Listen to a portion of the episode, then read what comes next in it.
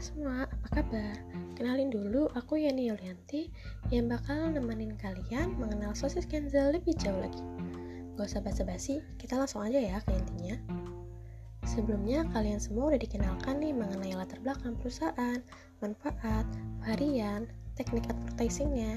Nah, sekarang waktunya aku memperkenalkan CSR dari sosis Kenzel ini. Pertama-tama, biar aku jelasin dulu ya sedikit mengenai apa itu CSR buat kalian yang asing dengan nama CSR.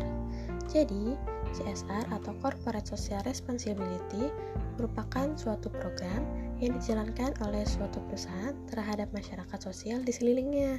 CSR ini dimaksudkan untuk menambah citra image untuk kemajuan dan perkembangan perusahaan tersebut. Oke, aku udah jelasin sedikit mengenai apa itu CSR. Semoga kalian ada gambarannya ya walaupun sedikit.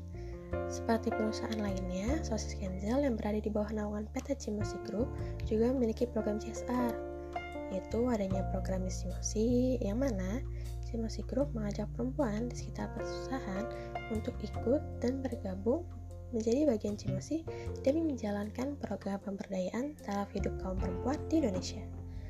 Pasti pada bingung kan, maksudnya pemberdayaan taraf hidup ini apa?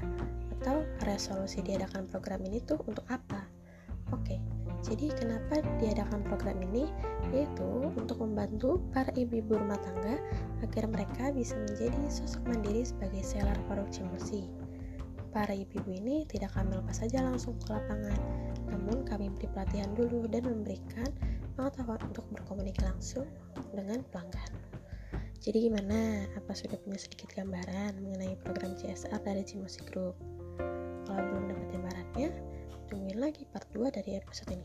Terima kasih untuk semua yang sudah mendengarkan podcast ke-25 edisi CSR Kenzel. Tungguin terus ya episode-episode menarik lainnya. Sampai bertemu lagi di CSR Kenzel part 2.